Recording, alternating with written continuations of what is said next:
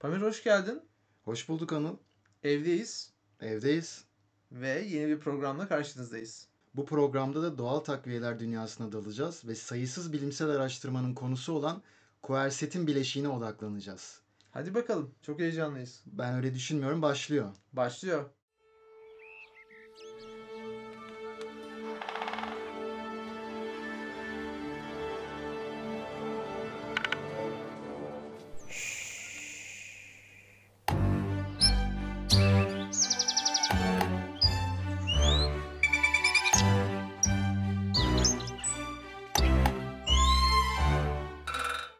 Evet diğeri hoş geldin. Ben öyle düşünmüyorum podcast'in bir bölümüne daha. Bugün başlıyoruz. Doğal takviyeler dünyasında önemli bir yeri olan ve birçok bilimsel araştırmaya konu olan koersetin üzerinde konuşacağız. Başlayalım mı Pamir? Başlayalım. Hemen ben makine gibi başlayayım istiyorsan. Biliyorsun didaktik bilgi verip seri seri bilgi paylaşmayı çok sevdiğim için Şu acaba bizim Spotify istatistiklerine bakıyor musun? bakıyorum onunla ilgili hemen bilgi paylaşıyorum. Yok, hayır boş ver şimdi onu. Şöyle Quercetin bir flavonoid ne olduğu çok önemli değil. Şimdi flavonoidin ne olduğunu anlatmayalım.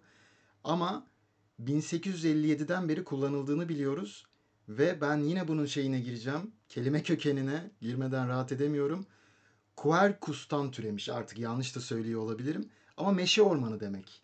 Meşe ormanı orada yani ormanda tabii çok miktarda bitki, sebze, meyve bulunduğu için belki meşenin içinde bulunduğuna da atıf yapıyorlar. Quercetin birçok meyve, sebze, tahılda bulunan doğal bir pigment. Mesela nelerde var? Soğan, elma, yeşil çay gibi sebzelerde ve bitkilerde bulunuyor. Ve okurken şu bana değişik geldi.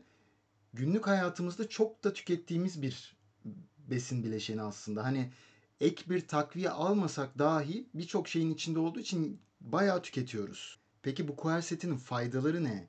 Güçlü bir antiinflamatuar yani iltihap baskılayıcı, yangı baskılayıcı diyelim. Ve antioksidan yani vücudumuzda oluşan günlük sonuçta vücudumuzu kullanıyoruz değil mi? Hücreler var. O hücrelerde bir çöp üretiyor. O çöplere biz işte oksidasyon ürünleri diyelim. Onlar tabi biriktiği zaman yaşlanmayı hızlandırıyor. Vücuda zararı var. Bunları temizleyebiliyor diyelim. Biraz yuvarlak konuşalım. Ve ben yine çalışma getirdim. Çalışma peşine çalışma getirdim. Çok heyecanlıyım hepsini saymak için. Buyurun Ha. sayınız lütfen. Hazırsan başlıyorum. Başlayın. Bu çalışmalar tek bir çalışma değil. Bunlar getirdiğim şeyler burada okuduklarım çok sayıda çalışmayı derleyen sistematik derlemeler ya da meta analizler. İşini şansa bırakmıyorsun yani. Tek bir çalışma her zaman yanlış, spekülatif ve tekrar edilmesi mümkün olmayan sonuçlar verebilir. Obezite üzerinde quercetinin potansiyel rolü deneniyor ve şunu buluyorlar çalışmalarda. Quercetin takviyesinin inflamasyon belirteçlerini ve insülin direncini önemli ölçüde etkilemediği görülüyor. İlginç. Bu olumsuz girdim bak. Olumlu gibi girdim. Olumsuz devam ettim. Güzel. Bu tabii insanlarda yapılmış çalışmalar ama hayvan ve hücre düzeyinde yapılmış çalışmalarda quercetinin faydalı olduğu görülmüş.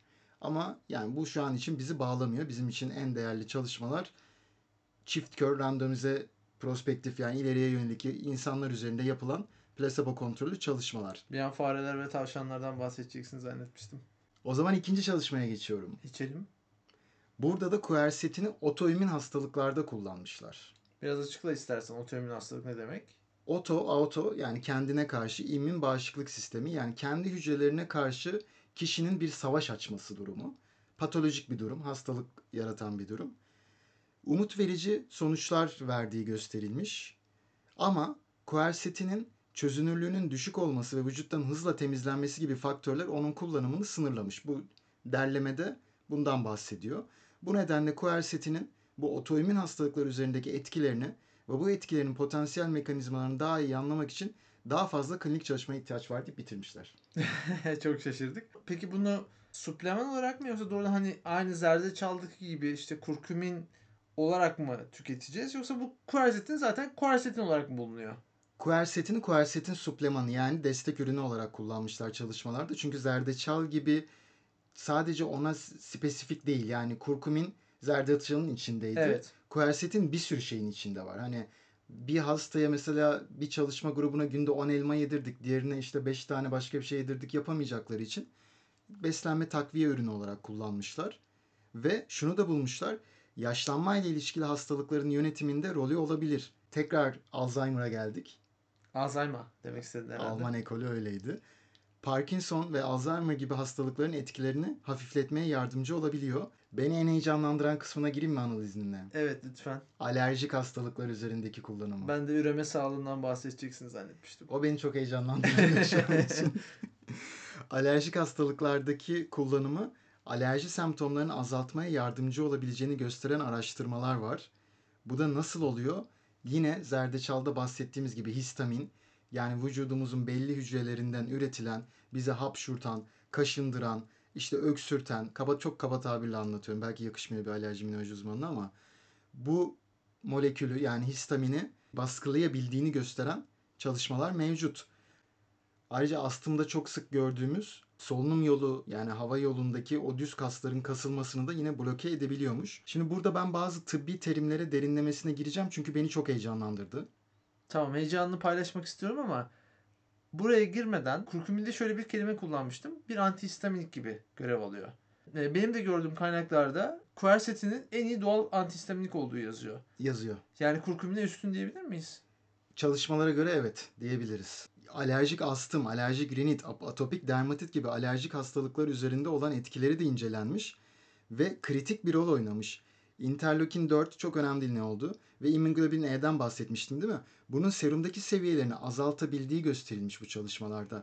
Bunlar için biz biyolojik ajan adını verdiğimiz aylık ya da haftalık tedaviler uyguluyoruz şu an günlük pratikte. Quercetin bunu yapabiliyormuş bu çalışmalara göre. Tekrar söylüyorum ben bunlara bir tavsiye vermiyorum. İlaç yerine bunları kullanın demiyorum. Kesinlikle doktorunuza gideceksiniz ve ona danışacaksınız. Peki Covid döneminde quercetin çok popüler oldu biliyor musun? Vitamin C ile beraber Covid hastalarında kullanıldı ve bazı çalışmalar faydası olduğunu göstermiş.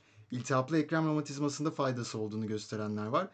Ve belki de en önemli etkisi yani bunların sebebi quercetinin bir çinko ionoforu olması. Ionofor nedir? Ya çinkoyu şöyle çok basit anlatayım. Çinkoyu kulağından tutuyor, hücrenin içine sokuyor.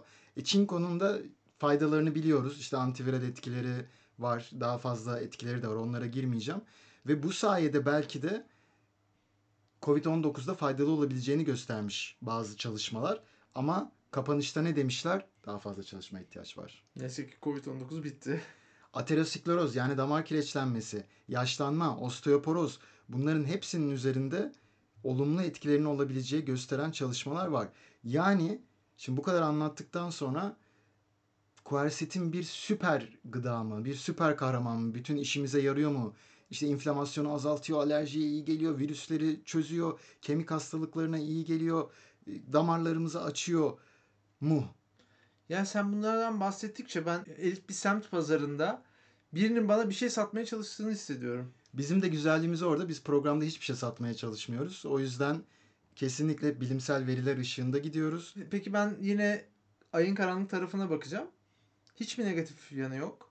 Dezavantajı var mı? Ya da kötü bir yan etkiden bahsedebilir misin? Tabii ki potansiyel dezavantajları var. Genel olarak güvenli kabul ediliyor. Çünkü çok uzun yıllardır diyetimizde bulunan bir ürün. İnsan diyetinde bulunuyor. Ama baş ağrısı, mide ağrısı, karıncalanma hissi gibi yan etkiler yapabiliyor. O yüzden mutlaka yeni bir tedavi rejimine başlamadan önce doktorunuza danışın. Ama mesela şunu söyleyebilirim. 12 haftaya kadar günlük 1 gram dozda kullanılmış bir çalışma var. Bir yan etki olmadığı, izlenmediği gösterilmiş onda. Ancak şunu söylüyorlar. Böbrek hastalığınız varsa quercetin takviyelerini dikkatle kullanın. O çok önemli. Ve bazı ilaçlarla da etkileşime girebiliyor. Bunlar hepsini teker teker saymayacağım ama açıklamaları veririm. Özellikle bazı antibiyotikler yani iltihap kurutucular. Böyle demek de hoşuma gitmiyor ama sonra geri dönüşlerde kızıyorlar çok tıbbi konuştun diye. Ya antibiyotiği de bence Türkçeleştirmene gerek yok. Değil mi ya? Yani tamam antibiyotik diyorum evet utandım şu an kendimden. Kinolon grubu antibiyotiklerle özellikle işte piyasa isimlerini şimdi söylemeyeyim ama ara, araştırıp bulabilirsiniz. Çok popüler antibiyotikler ve bazı kan sulandırıcılarla etkileşimi var. Onun için dikkatle kullanmak lazım. Evet, Quercetin bölümümüz bu kadardı sevgili dinleyiciler. Umarız keyif almışsınızdır ve aydınlatıcı bilgiler verebilmişizdir. Evet, keyif kısmını ben çok umursamıyorum. Umarım aydınlatıcı bilgiler vermişizdir. Bundan sonraki program için merakınızı genişletmeye devam edin.